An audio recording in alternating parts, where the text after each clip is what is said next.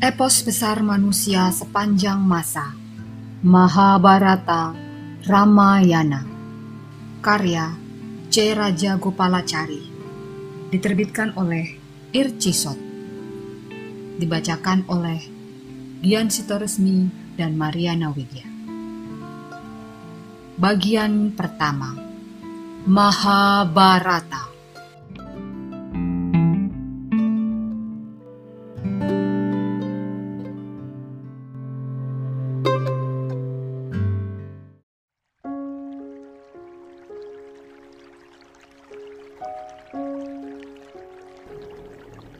Bab 88 Kematian Somadatta Kata Krishna, Lihatlah itu Satyaki, murid dan sahabatmu yang setia. Ia berhasil menjebol pertahanan musuh.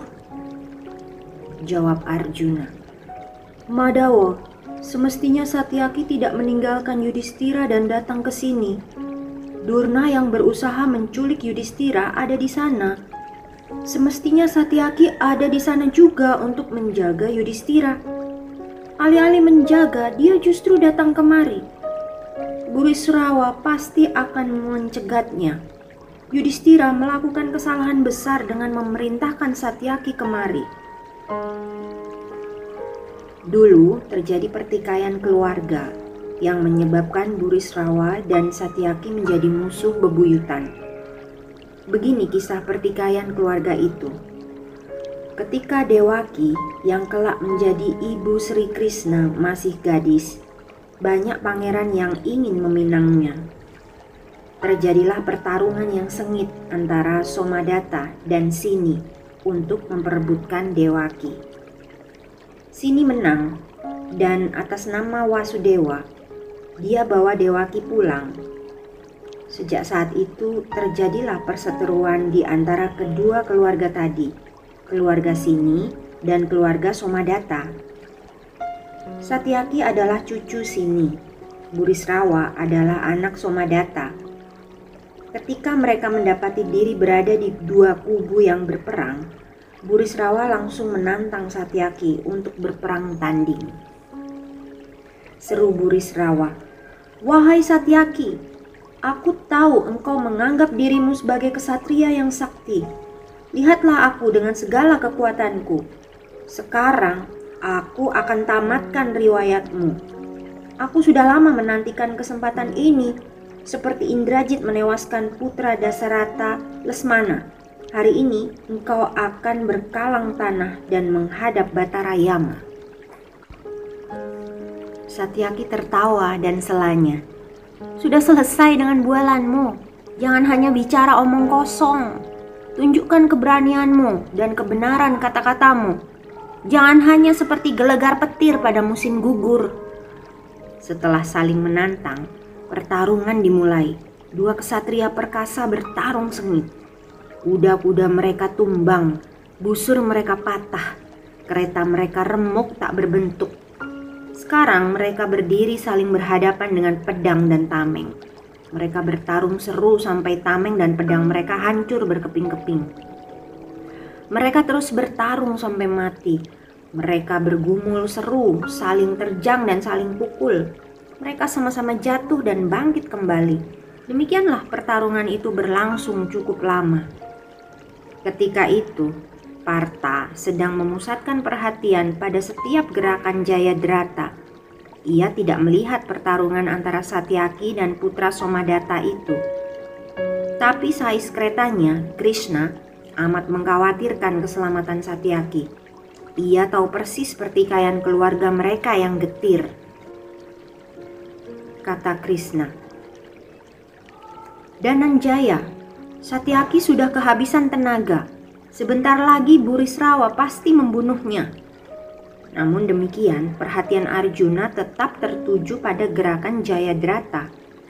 Kata Krishna lagi, Satyaki yang kehabisan tenaga karena habis bertempur melawan pasukan Kurawa terpaksa menerima tantangan Burisrawa. Pertarungan berlangsung tidak seimbang.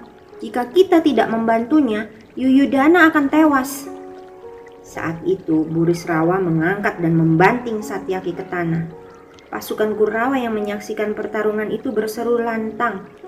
Yuyudana tewas. Sekali lagi Krishna mendesak Arjuna. Satyaki sudah tidak berdaya.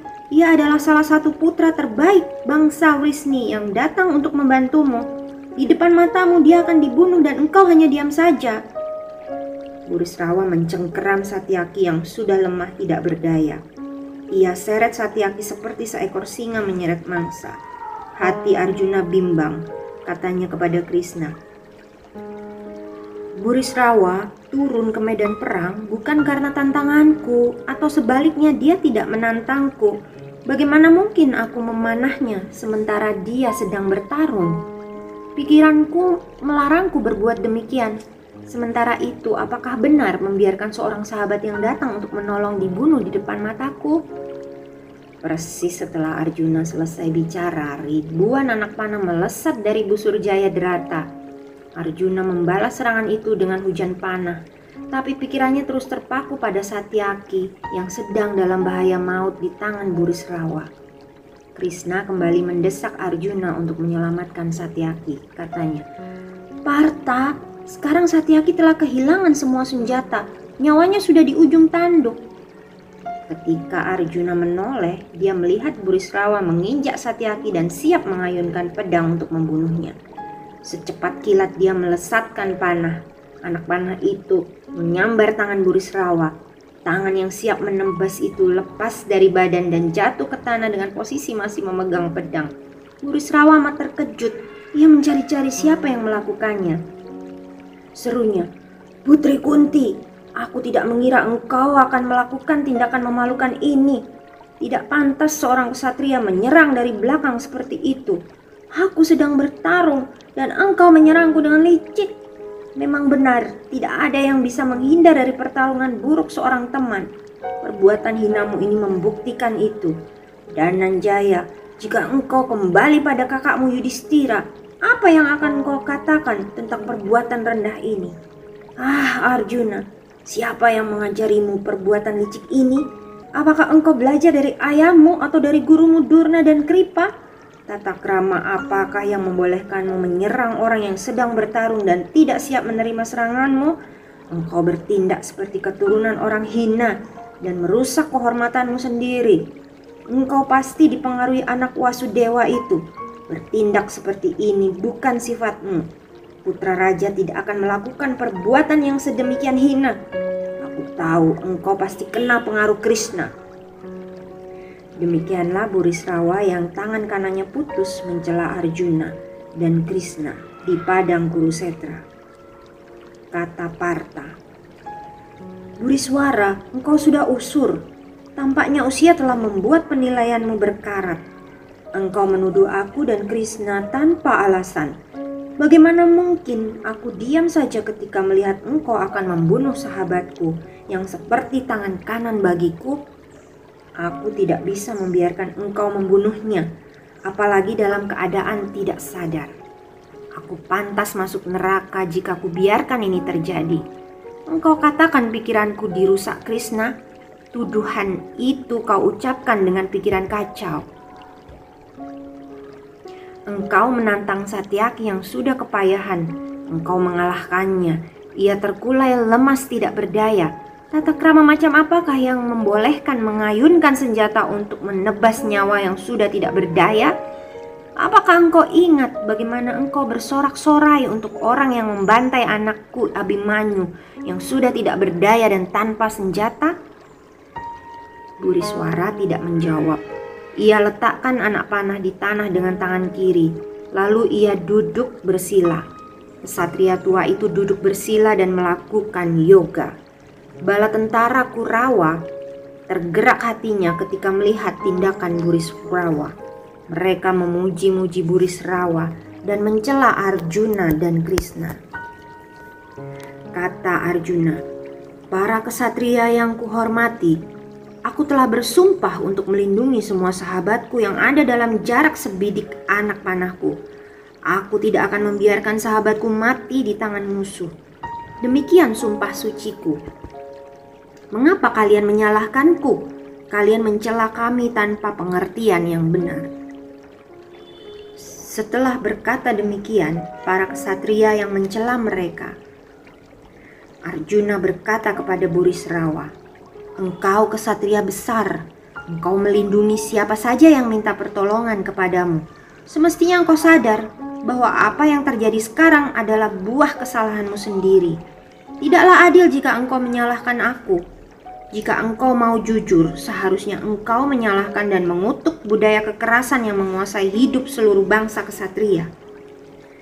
Mendengar kata-kata Arjuna, Buriswara menundukkan kepala sebagai tanda hormat. Pada saat itu, Satyaki siuman dan langsung bangkit. Terbawa amarah dan kebencian yang meluap-luap, ia menyambar pedang dan langsung menuju Burisrawa yang sedang bersemadi di atas tumpukan anak panah. Sebelum Arjuna dan Krishna sempat menahan langkahnya, Satyaki tebaskan pedang ke leher Burisrawa.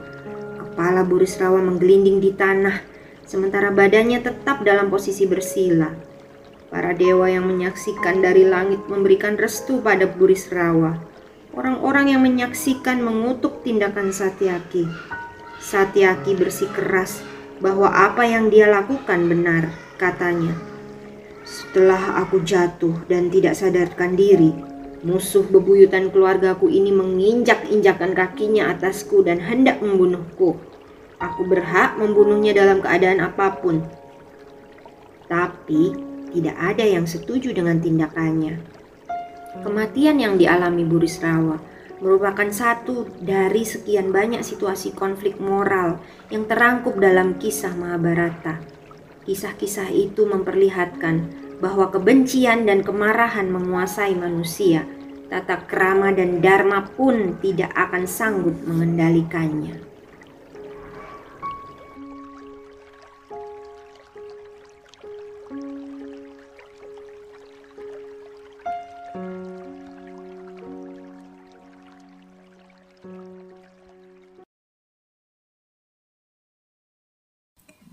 Dengarkan kisah selanjutnya di episode berikutnya.